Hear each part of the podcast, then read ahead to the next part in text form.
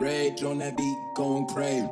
A tymczasem po raz kolejny daleka bomba i to jest touchdown. Tony Dawson jest podanie pole punktowe Dawson! Touchdown!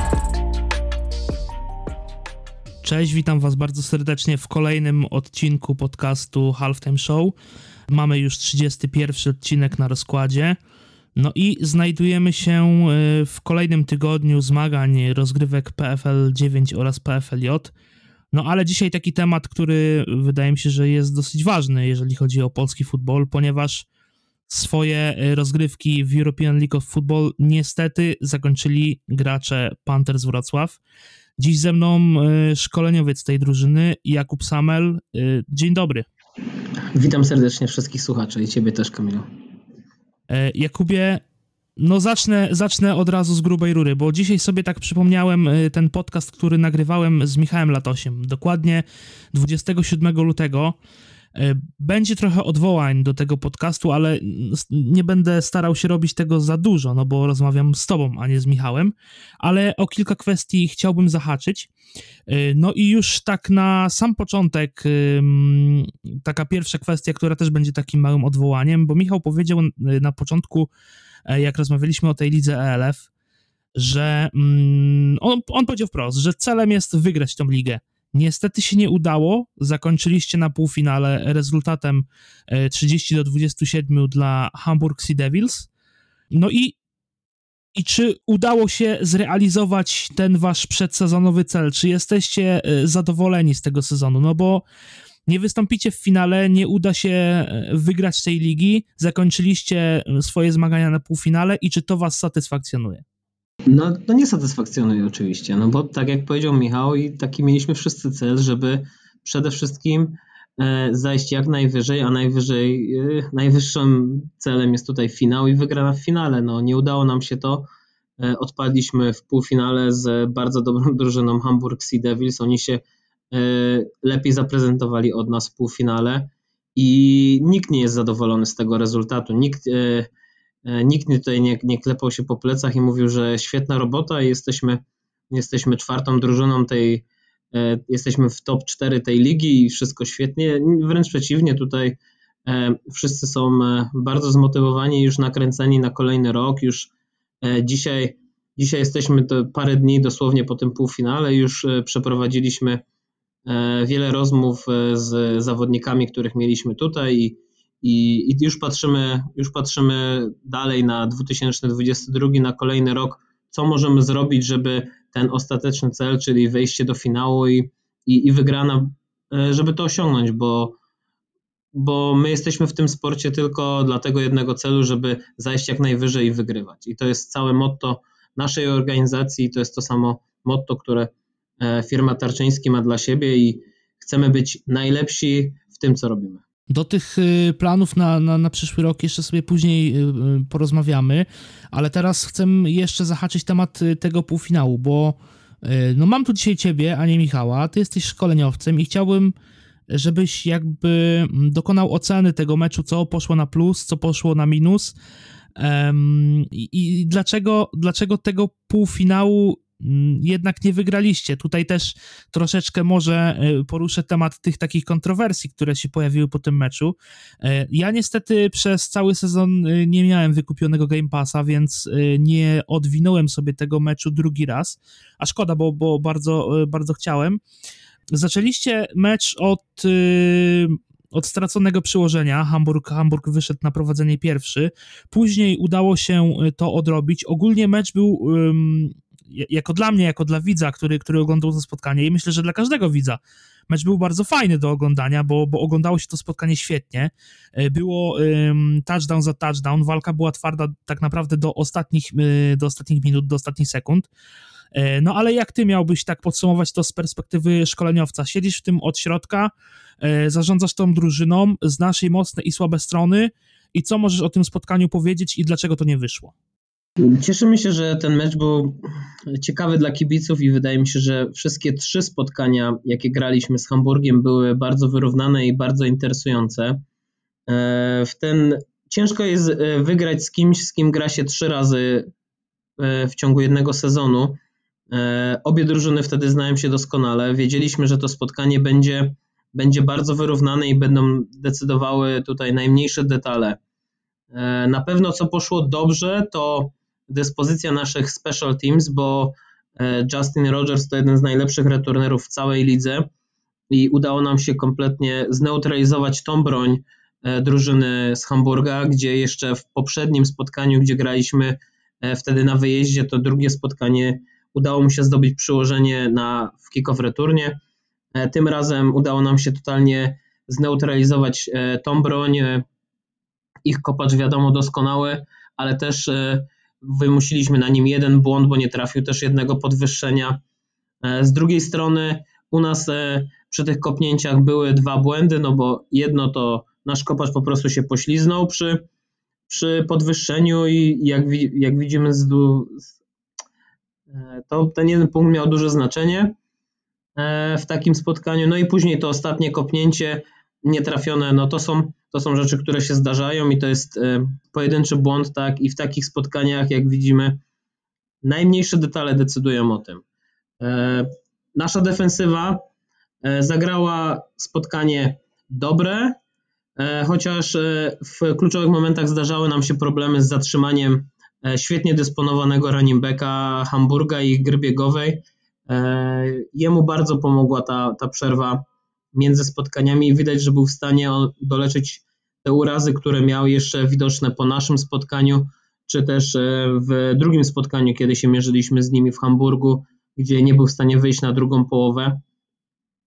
Tutaj już doleczony pokazał, pokazał że jest klasowym zawodnikiem i bardzo trudno było go zatrzymać. E, w ofensywie mieliśmy, mieliśmy dużo dobrych momentów.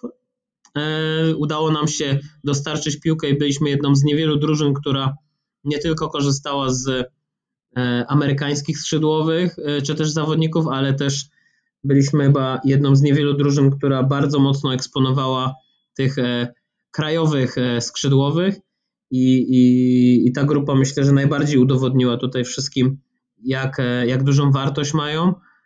E, I to, to no, było, nie, bez powodu, nie bez powodu Prze tak? Przemek Banat i, i, i, Kuba Mazan są powołani do meczu gwiazd, tak? No bo oni, oni zrobili robotę i też widziałem dzisiaj mm, taką grafikę na jednym z profilów y, European League of Football, że Przemek Banat został wybrany y, w WR1 y, całych półfinałów, więc no to o czym świadczy.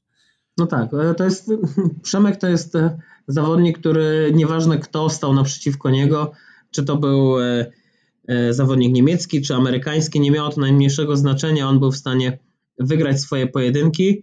E, Kuba Mazan był chyba największą bronią przez, w środku pola, natomiast nie zapominajmy o pozostałych skrzydłowych, którzy też czasem nie dostając piłki, biegnąc swoje ścieżki otwierali, otwierali tutaj strefy dla innych. Tak? Bartek Dziedzic miał, miał parę świetnych spotkań, gdzie złapał dużo piłek, ale w spotkaniach, gdzie nie łapał tych piłek, e, też wykonywał świetną pracę, bo, bo był takim team playerem, który potrafił pobiec swoją ścieżkę, pomimo że wiedział, że w tym kryciu jej nie dostanie piłki, natomiast biegnąc ją otwierał tutaj e, pole dla innych skrzydłowych. Także e, wydaje mi się, że cała ta grupa świetnie się zaprezentowała i to był nasz plus, tak? No zabrakło, zabrakło trzech punktów tutaj do remisu i i no tak jak mówię, te wszystkie spotkania e, w, w, w tej lidze decydowały na takie, na takie najmniejsze detale, miały, miały duży wpływ na końcowy wynik. Tutaj e, jeszcze chciałbym poruszyć temat tej kontrowersji i też jakby twojej oceny. E, chodzi mi o to DPI, takie słynne z tego meczu, które no, zostało uznane. A tutaj chciałbym też Twoją jakby taką opinię. No, teraz już wyniku i tak nie zmienimy, więc możemy sobie porozmawiać. Czy Twoim zdaniem było ono słusznie rzucone, czy może jednak nie? Bo mm, ja jak tak sobie y, oglądałem tą sytuację właśnie w trakcie meczu, to na, na replayach, na powtórkach, y, odniosłem takie wrażenie, że no obaj zawodnicy byli, byli zainteresowani piłką i, i, i, moim zdaniem ta flaga była w tym przypadku akurat niepotrzebna. E, no ale to jest moje zdanie, a chciałbym znać, chciałbym znać twoje. Jak ty to oceniasz? Ja chciałbym tylko powiedzieć, że nie wydaje mi się, że jedna decyzja sędziowska jest w stanie odmienić losy całego spotkania. E, natomiast no, ten call w tym momencie był bardzo istotny. Tak? Miał na pewno, nie miał na pewno końcowego wpływu na, na wynik, natomiast e, no, na pewno miał duży wpływ na cały przebieg tego spotkania, bo przypomnę, że to była e, trzecia i chyba 15 albo nawet więcej dla Hamburga. Jeżeli ta piłka zostałaby niezłapana, to musieliby odkopnąć piłkę do nas i nie mieliby szansy. A tak, e, znając zasady teraz NFL, wszyscy wiemy już, że to jest spot foul, czyli oni dostali piłkę na nasz, około naszego 30 yarda, czyli to było ogromne przesunięcie dla tej drużyny. E, jeśli chodzi o, o foul, no to e, zdaję sobie sprawę, że dla, dla sędziów to jest też e, wyższy level zawodników, większa szybkość zawodników, wszystko dzieje się szybciej i muszą się do tego dostosować i, i decyzję trzeba podjąć e, w, w jednym momencie. Natomiast z mojej perspektywy, gdzie oglądałem to live, też mi się wydawało, że nasz e, DB walczył bezpośrednio o piłkę i, i w żaden sposób tutaj nie, nie starał się zatrzymać skrzydłowego, tylko był skoncentrowany na tym, żeby złapać tę piłkę. No, w ocenie sędziego było inaczej, ale e, i podjął taką decyzję i to on, on bierze odpowiedzialność tak, za tą decyzję i to jest, e, to jest jego ocena. W mojej cenie wydawało mi się, że piłkę próbował złapać e, nasz, nasz DB. No i, i nie mogę tutaj więcej bo powiedzieć, tak. E, są różne komentarze w social media. Ja, ja zawsze staram się odchodzić od tego i czy dystansować się od tego, że jedna decyzja sędziowska o tym decyduje, bo, bo równie dobrze można było wykończyć lepiej wiele akcji E, i po prostu zagrać troszkę lepiej. No to w tej kwestii akurat się zgadzamy, bo też uważam, że e, nie ma co tego roztrząsać, mecz się, mecz się zakończył, e, wynik jest uznany, więc tego, tego nie cofniemy. No i co do tej, tej decyzji sędziego i tej twojej interpretacji, to również, również zgadzam się z tym, że no raczej obaj zawodnicy walczyli o piłkę i, no i byli zainteresowani piłką, tak, także moja, moja ocena tej sytuacji jest podobna. Słuchaj, y, Kuba, y, tak ogólnie chciałbym zapytać też o sezon, bo rozegraliście 11 spotkań na zasadach NFL, 10 meczów sezonu regularnego. Udało się wam osiągnąć bilans 6-4 z tą taką no, pasjonującą końcówką, gdzie ostatni mecz tak naprawdę decydował o być albo nie być. Chciałbym y, zapytać o to, jak udało wam się dostosowywać do, do tych y, y, meczów na zasadach NFL, bo pamiętam po pierwszym spotkaniu z Centurions taką wypowiedź Kamila Ruty e, po spotkaniu na, na, na, waszym, na waszych social mediach i on powiedział wprost i absolutnie nie gryzł się w język, że mm, on jest po tym pierwszym meczu zajechany, że e, cztery kwarty po 15 minut to jest spora różnica względem tego, co było do tej pory w Lidze Polskiej i też w europejskich pucharach, bo E, no w Europie gra się na tych zasadach ligi akademickiej. Wy zagraliście 11 spotkań na zasadach NFL. E, no dużo, dużo grania i jak adaptowaliście się w trakcie sezonu? Czy to przychodziło z czasem, czy jednak gdzieś już na początku sezonu wiedzieliście, że będzie intensywnie i przygotowywaliście się pod to? Jeśli chodzi o przygotowanie do tych 15-minutowych kwart, to już od samego początku nasz trener przygotowania e, motorycznego i siłowego Łukasz Sutkowski odpowiednio pracował z zawodnikami. Wiedzieliśmy, że to będzie bardzo intensywny sezon, bardzo mocno obciążający zawodników. E, pracowaliśmy nad rzeczami, które na początku wydawały im się śmieszne, ale jak widać przyniosły ogromny, ogromny plus. E, praca nad mobilnością, nad ruchomością, nad nad gibkością zawodników miał ogromny, miał ogromny plus w tym roku, bo udało nam się e, udało nam się uchronić przed ogromną ilością urazów, tak? E, wiadomo, że przez granie na tak wysokiej intensywności zawodnicy mieli jakieś drobne urazy, których nie da się uniknąć, ale całościowo patrząc, wydaje mi się, że to przygotowanie dało, dało tutaj duży plus zawodnikom. Oczywiście E, przestrzegaliśmy przed tym i staraliśmy się przygotować jak najlepiej zawodników do tego, że te mecze będą dłuższe, będzie duża intensywność, będzie dużo powtórzeń, ale prawda jest taka, że nikt do momentu, jak nie rozegrał takiego spotkania, nie był w stanie i sam nie poczuł tego na sobie, nie był w stanie tego, tego zrozumieć. Z naszej perspektywy, nawet trenerskiej, było tak, że pierwsze spotkanie jesteśmy w trakcie i, i nie patrzyliśmy na, na zegar w trakcie trzeciej kwarty i w pewnym momencie obróciliśmy się, patrzymy, a tu nie minęło nawet połowa trzeciej kwarty jeszcze, tak? I ten czas na początku wydawało nam się, że wręcz stoi. E, później już ta adaptacja była lepsza i, i w trakcie sezonu zawodnicy już po tym pierwszym spotkaniu wiedzieli, jak odpowiednio rozłożyć sobie siły, jak podejść do spotkania, co dokładnie zrobić. I, i w, miarę, w miarę upływu czasu, e, szczerze powiedziawszy, to już nie był problem. To już nie był problem ten czas, tylko pierwsze spotkania, gdzie musieliśmy się do tego przyzwyczaić, ale w późniejszym okresie to już nie był problem. E, jeśli chodzi o inne zasady NFL, to e, no to tak jak mówię, tutaj e, DPI na przykład to jest zupełnie inny faul, który, który powoduje, że ofensywy mają, mają troszkę więcej przewagi tutaj i jest to, jest to rzecz, która może naprawdę zaważyć na tym field position, gdzie, gdzie, gdzie są zawodnicy. No i down by contact. To była też duża rzecz, którą, na którą zwracaliśmy uwagę, ale to też z czasem przyszło, że zawodnicy orientowali się, że łapię piłkę, upadam i mogę wstać i biec dalej na przykład, tak? E, także to są rzeczy, które, które, do których musieliśmy się przyzwyczaić, sędziowie musieli się przyzwyczaić, ale wydaje mi się, że, że poszło nam to całkiem nieźle, tak? Że, mm, I bardzo ciekawe też pod względem szkoleniowym było dla mnie e, to, że boisko ma troszkę inne wymiary, że te haszmarki są troszkę wężej, i, i troszkę inaczej tutaj trzeba podejść do play callingu i do tego, jak, jak grać poszczególne zagrywki. Okej. Okay. Tutaj też odwołam się troszkę do tego pierwszego podcastu z Michałem, bo tam rozmawialiśmy o takich y, wielu elementach y, marki y, Pantes Wrocław, rozpoznawalności w Europie i tego, tego typu rzeczach.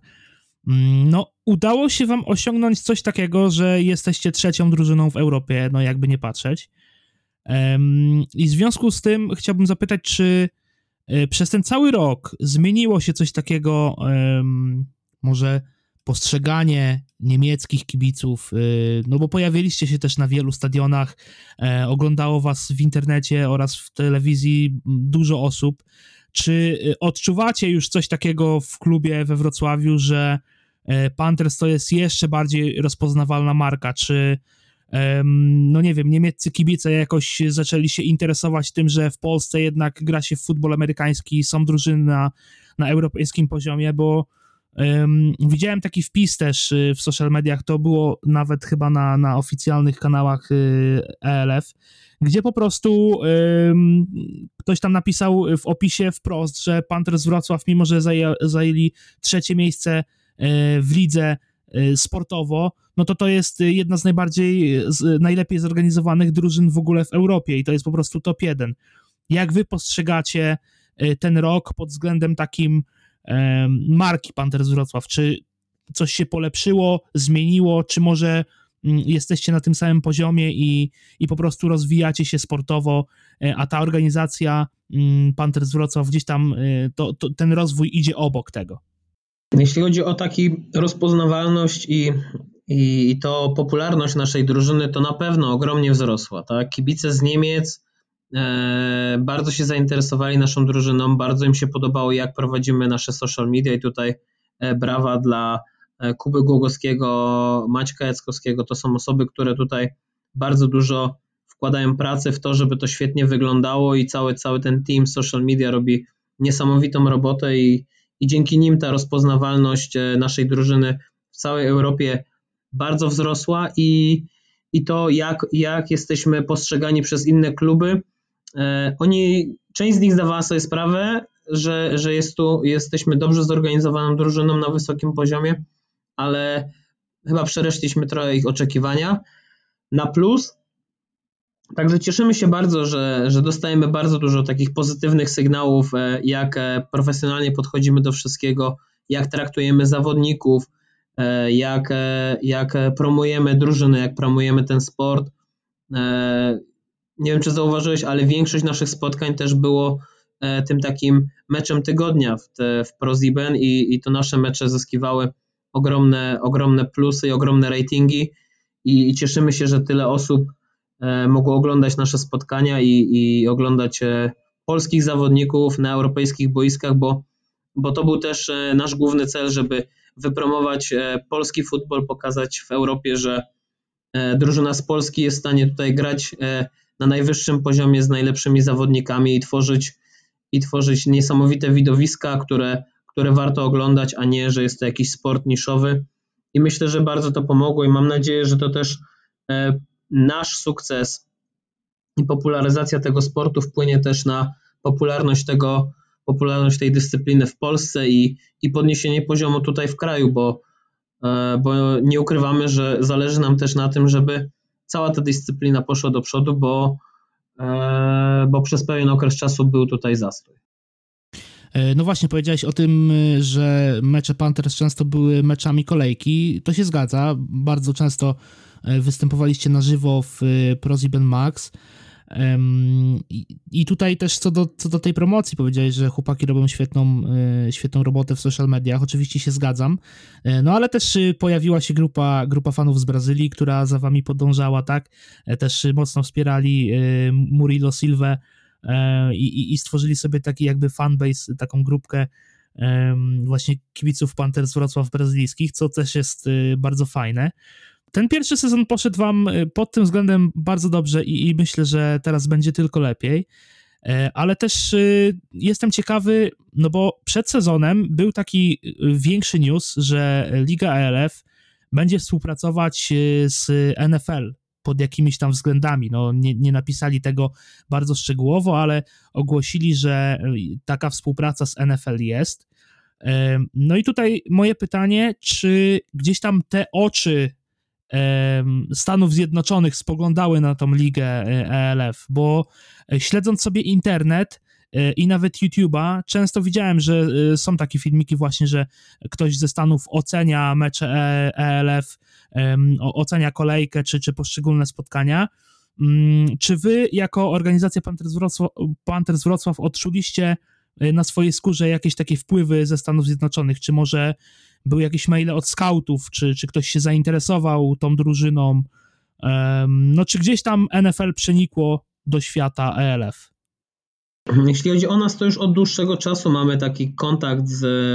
Mm, do tej pory to było w, z kanadyjską ligą, CFL, i, i od nich e, dostawaliśmy prośby o, o nagrania, żeby sprawdzić naszych zawodników i, i zobaczyć, jak grają.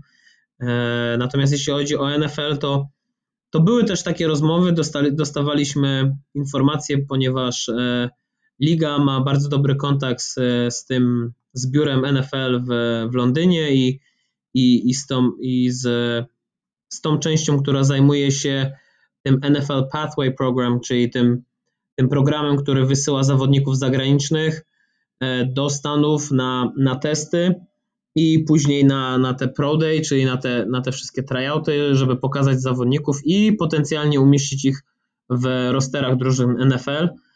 E, mieliśmy też takie, mieliśmy też takie zapytania, mieliśmy e, paru zawodników, którzy dostali takie e, listy, które dostaje, którzy dostali takie listy. Nie, nie chcę tutaj ujawniać jeszcze nazwisk, bo to jest jakby to jest ich, ich sukces i, i myślę, że no oni tak, powinni się tym pochwalić.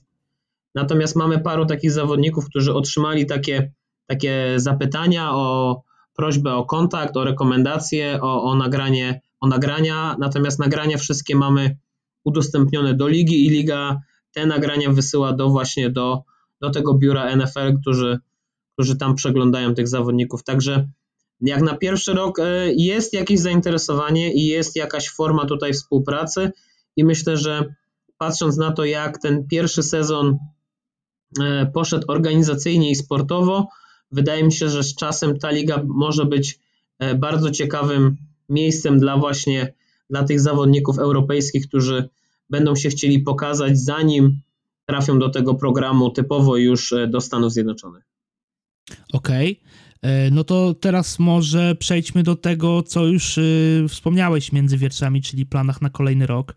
Gdzieś tam po Twitterze krążyły informacje, że e, podobno drużyny austriackie już są dogadane, tak?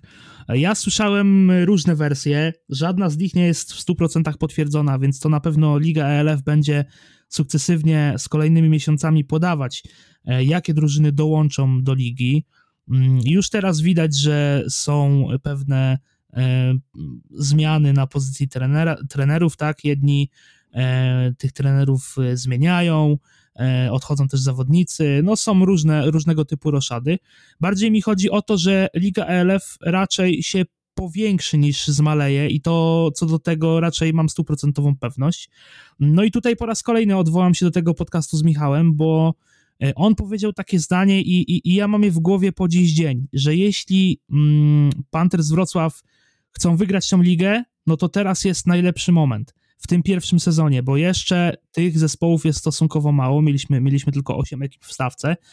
No niestety się nie udało i wnioskuję tak z tego zdania, jak, jak on powiedział, że teraz będzie tylko ciężej. Więc y, jakie macie plany na, na kolejny sezon? Czy to dalej jest y, ta chęć zwycięstwa, czy po prostu będziecie się dostosowywać do tego, jakie ekipy będą w stawce?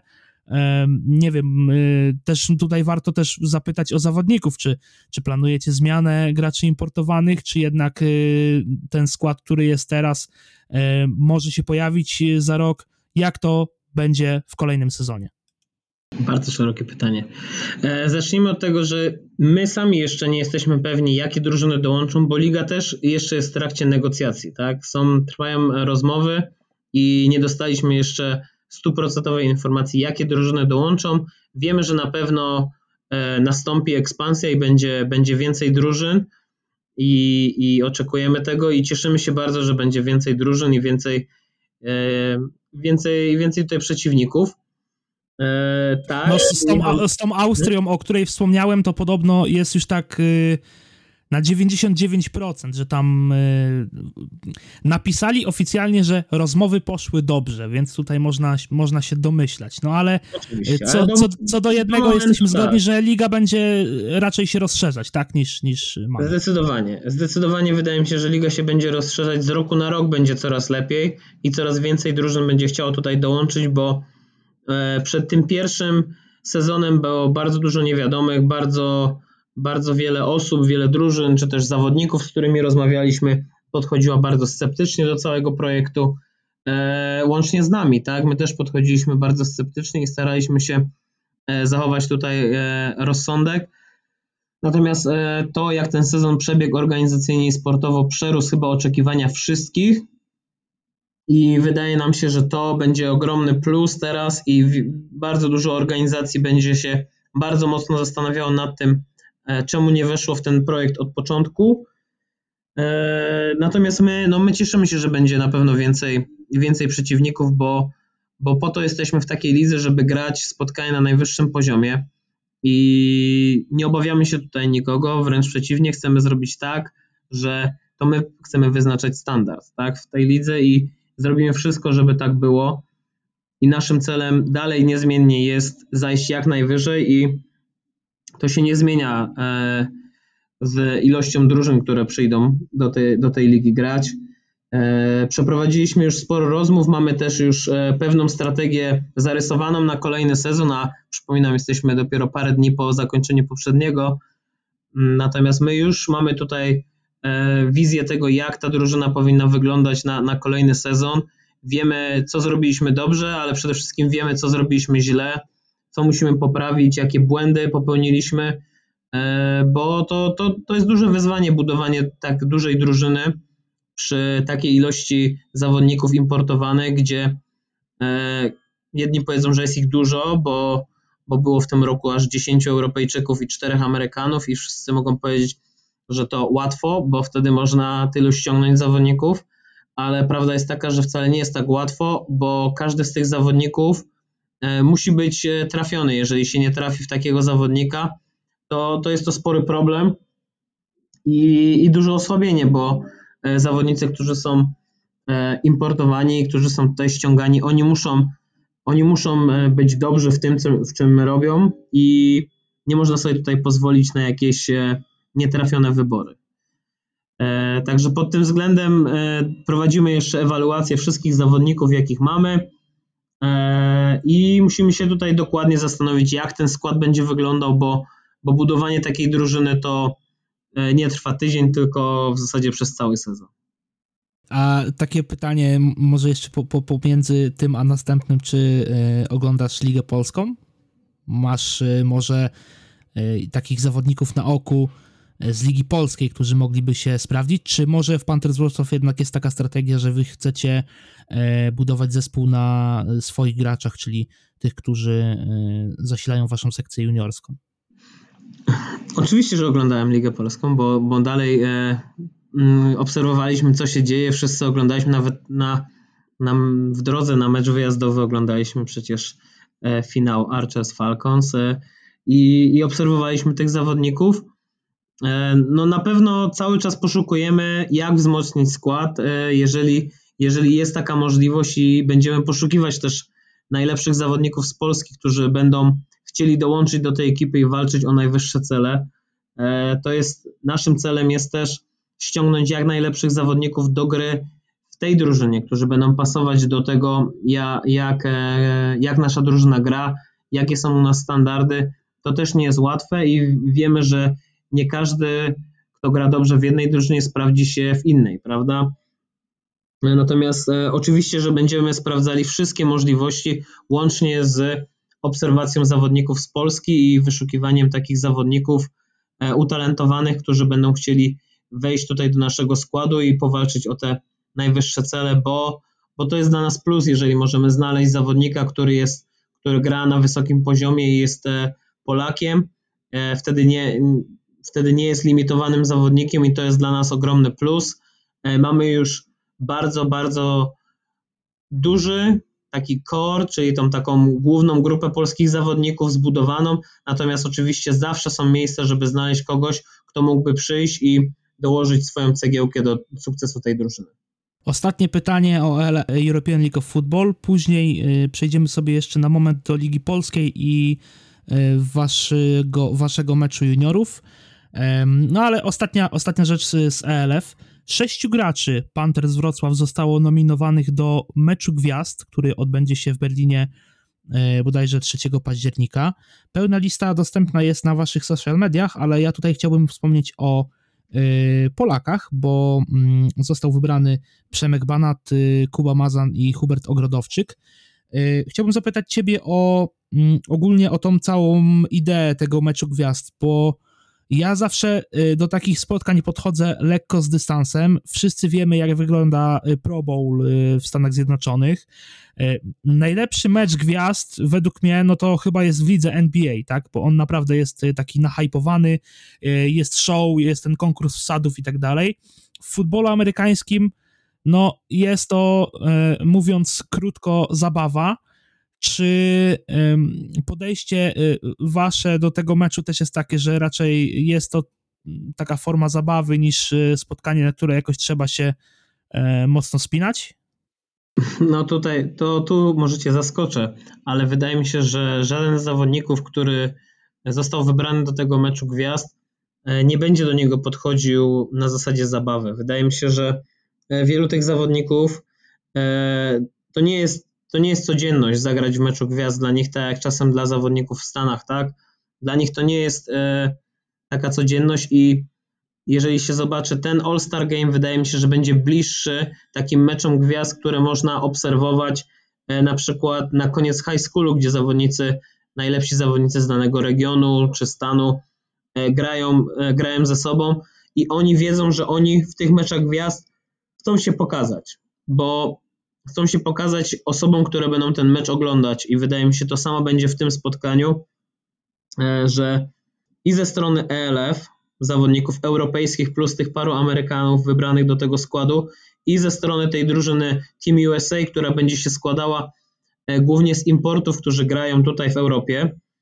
E, wydaje mi się, że to będzie dla nich okazja, żeby pokazać się po raz kolejny przed dużą publicznością na, na fajnym stadionie, przy świetnej oprawie, pokazać, e, pokazać się potencjalnym drużynom, które w przyszłym sezonie będą chciały ich zakontraktować. Także tutaj e, gra jest troszkę o coś innego, bo taki Pro Bowl czy All-Star Game w NBA e, nikt e, nie patrzy na ten mecz jako na ewaluację, jako punkt ewaluacji dla zawodników. Natomiast wydaje mi się, że podejście tutaj zawodników jest takie, że raz, że chcą się pokazać przyszłym potencjalnym e, klubom, które ich obserwują. Dwa, dla zawodników e, europejskich to jest, e, to jest mega wyróżnienie i wiem, że podchodzą do tego bardzo poważnie. Wiem, że nasi polscy zawodnicy, dla nich to jest mega wyróżnienie i oni chcą wyjść i też się świetnie zaprezentować w tym spotkaniu. Zostawmy temat ELF-u, bo jeszcze mam tutaj kilka kwestii związanych z Panthers Wrocław, ale z drużyną juniorską. E, rozmawiałem przed dwoma tygodniami tutaj ze Staszkiem Pawlakiem, trenerem drużyny Bydgoszcz Archers. No i to była taka bardzo ciekawa rozmowa. Odsyłam, jeżeli ktoś nie słuchał, to, to bardzo polecam. Porozmawialiśmy sobie na temat, na temat drużyn juniorskich. Panthers Wrocław y, w sobotę zainaugurują mm, sezon juniorski. E, wiem, że doskonale zdajesz sobie sprawę, jak wyglądało ustalanie tych e, grup juniorskich i to, co się działo na, na, zebraniach, e, skąd e, wzięło się, wzięła się taka ilość drużyn, która występuje w lidze, dlaczego mamy teraz te walkowery, które się tak sypią. Mm, szczęście w nieszczęściu, ta grupa południowa wydaje się, że będzie grać normalnie, ponieważ pierwszy mecz, który był w tej grupie się odbył, teraz jest drugi mecz z udziałem Panthers Wrocław, no i raczej nie wierzę, że ten mecz się nie odbędzie.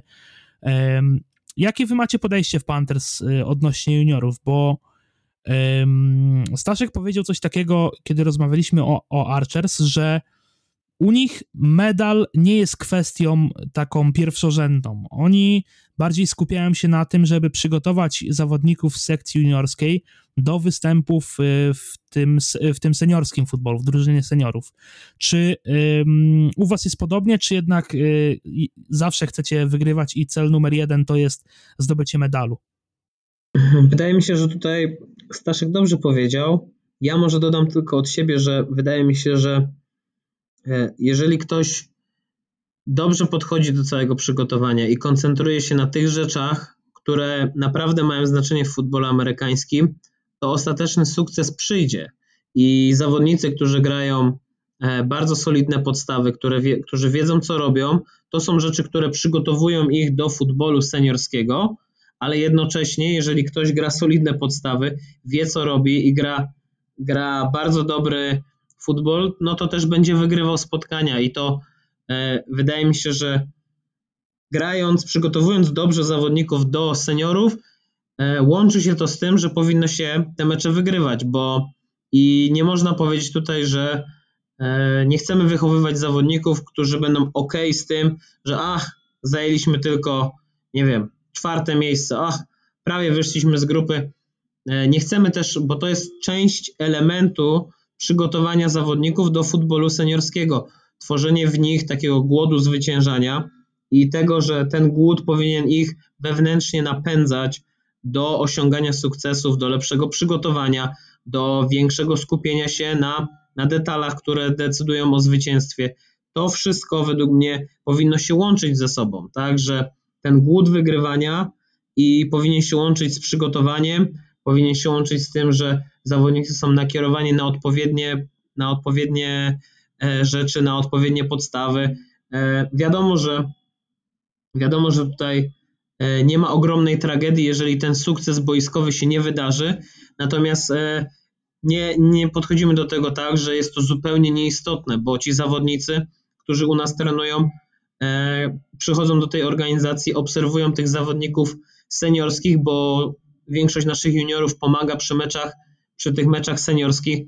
Oni widzą, jak wygląda walka w tych spotkaniach, o co walczą i dlaczego ci zawodnicy o to walczą. I oni chcą to też chcą osiągać takie same sukcesy. Także e, może sukces nie jest determinant, sukces boiskowy nie jest końcową determinantą tego, czy e, wy, wykonaliśmy swoją pracę w juniorach, natomiast wydaje mi się, że jeżeli ktoś dobrze przygotowuje zawodników do sezonu, wie, co ma z nimi zrobić, jakie podstawy wykonać z nimi i egzekwuje to wśród nich, to, to ten głód zwycięstwa powstaje sam i te wyniki powinny też z tym przyjść. No, rok temu y, Panthers Wrocław y, zajęło trzecie miejsce. W poprzednich latach gdzieś tam były te przegrane y, fin y, finały z Bielawą. No, Bielawa świetna drużyna y, pod względem szkolenia juniorów. Teraz niestety w tym roku no nie widzimy Bielawy w zestawieniu drużyn juniorskich, bardzo szkoda, bo, bo zawsze ta drużyna wnosiła taką, taką, taką boiskową jakość i, i, i te rywalizacje były zawsze fajne. Jak wygląda wasz y, skład juniorski na ten rok? Czy y, udało się zebrać y, pełen skład, pełną liczbę, pełen roster, czy, czy gdzieś tam są te braki, czy wy absolutnie na takie coś nie narzekacie? No na ten moment będzie, mamy troszkę ponad ten, to maksimum zawodników, także będziemy musieli się zdecydować, kto, kto z tych zawodników wybiegnie na boisku, żeby wybrać tą 45. E, także jeśli chodzi o to, o ilość zawodników, to zupełnie nie narzekamy. Tak? E, cieszymy się, ale też ciężko nad tym pracujemy, bo e, cały czas promujemy ten sport tutaj we Wrocławiu. Prowadzimy wiele rekrutacji, bo wydaje mi się, że prowadzenie jednej rekrutacji w ciągu roku nie sprawdzało się u nas. Korzystaliśmy z tego modelu przez pewien okres czasu i wydaje nam się, że nie był to dla nas najlepszy model. E, my opieramy się na tym, że staramy się jak najczęściej rekrutować jak najwięcej zawodników, żeby zaczynało przygodę z tym sportem i zdajemy sobie sprawę, że z czasem ta ilość zawodników się zmienia.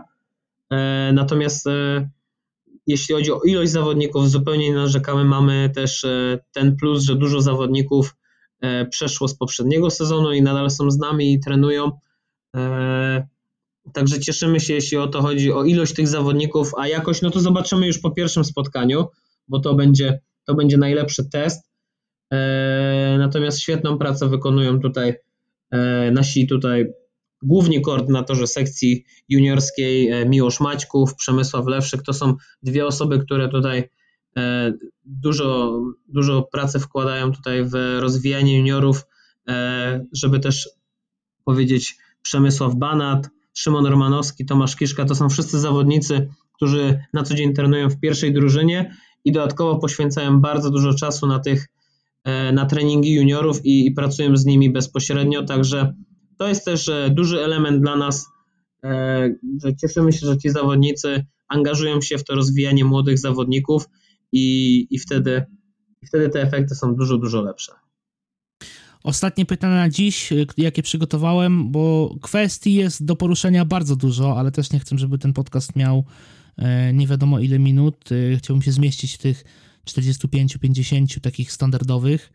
E, może to pytanie jest rzucone jeszcze za wcześnie, bo tak jak tutaj wspomniałeś między wierszami, że jesteście kilka dni dopiero tak naprawdę po zakończeniu sezonu seniorskiego. E, no ale spróbujmy, spróbujmy to pytanie zadać. Mm, czy uda się powtórzyć wynik Panthers Wrocław z tego sezonu, a może nawet go polepszyć, jeśli miałbyś typować już dziś. E, znasz plany na następny sezon? Wspomniałeś, że już macie pewien taki zarys, który będziecie chcieli realizować. E, jakbyś miał się troszkę pobawić w typera, nie wiem, no być może jest to wróżenie z fuzów, a być może nie. Czy, czy Panthers Wrocław teraz, będąc trzecią drużyną w Europie, za rok będą drugą, a najlepiej pierwszą. Czy uda się takie coś osiągnąć? No niestety, jeśli chodzi o typowanie, to nie idzie mi najlepiej. Przeważnie jest tak, że tak jak ja typuję, tak dzieje się na odwrót. E, dlatego powiem może z doświadczenia, że e, zrobimy wszystko, co w naszej mocy, jeśli mówimy tutaj o organizacji, mówimy też o zawodnikach. Wszyscy tutaj e, mamy tylko jeden cel, czyli tak jak powiedziałem, zajść jak najwyżej w tej lidze i, i wszystkie działania, które będziemy wykonywać, będą, będą z myślą tylko o tym, żeby tutaj osiągnąć ten ostateczny cel, czyli wejść do finału i później w tym finale jak najlepiej się zaprezentować. Także z, z naszej strony mogę zapewnić, że każdy ruch, jaki wykonujemy i każda, każdy ruch, który wykonamy w tym całym off-seasonie, będzie skoncentrowany tylko na tym, żeby e, nasza drużyna zaszła jak najwyżej w przyszłym sezonie a to, co się wydarzy, no to zobaczymy już na boisku. E, natomiast wydaje mi się, że w tym roku e, zaprezentowaliśmy bardzo wysoki poziom i część tych drużyn europejskich zobaczyła, że polski futbol naprawdę stać na wiele. W takim razie więcej pytań już nie mam. Dziękuję, że zgodziłeś się tutaj przyjść i porozmawiać trochę o European League of Football i tym sezonie, który, który za wami. Jesteście trzecią drużyną w Europie, tego nikt wam nie zabierze w tym roku i no i to są fakty. Teraz y, na pewno przed Wami y, intensywny sezon juniorski i szansa, żeby e, też zdobyć triumfy jakieś tutaj w lidze polskiej, bo dobrze wiemy, że seniorska drużyna Panthers Wrocław już w Polsce nie występuje, ale juniorzy wciąż tak, więc jakieś trofeum z Polski też fajnie będzie w tym sezonie y, wyciągnąć. No ja życzę powodzenia, żeby te plany, o których mówisz i te założenia wszystko wypaliło, bo robicie świetną robotę na arenie międzynarodowej i jesteście taką wizytówką nie tylko futbolu w Polsce, ale też całego kraju. E, I, i, I, serdecznie tutaj e, z mojej strony e, gratuluję. Mm, ja oczywiście tutaj też muszę zachęcić, jak, jak co tydzień, do śledzenia rozgrywek Ligi Polskiej, bo wciąż gra PFL 9. Mecze będą do zobaczenia, zestawienie meczów będzie do zobaczenia na social mediach Polskiej Football Ligi, więc tutaj teraz nie będę, nie będę już o tym mówił. Oczywiście wciąż gra PFLJ i w tym tygodniu zobaczymy sobie mecz o 13 w sobotę Panthers Wrocław podejmą Silesia Rebels Katowice. Mm, zobaczymy, jak ten debiut Panther y, wyjdzie. E, no i co? Jeszcze raz dziękuję, Kuba, że, zdąży, że przyszedłeś tutaj do mnie na podcast, że zgodziłeś się przyjść tutaj do mnie na podcast. Naprawdę bardzo fajna rozmowa. E, no i zachęcam do słuchania kolejnych odcinków Halftime Show standardowo w środę o godzinie 18 na platformach streamingowych, e, które dobrze znacie, więc tutaj też nie będę się powtarzał. Dziękuję jeszcze raz i do usłyszenia za tydzień.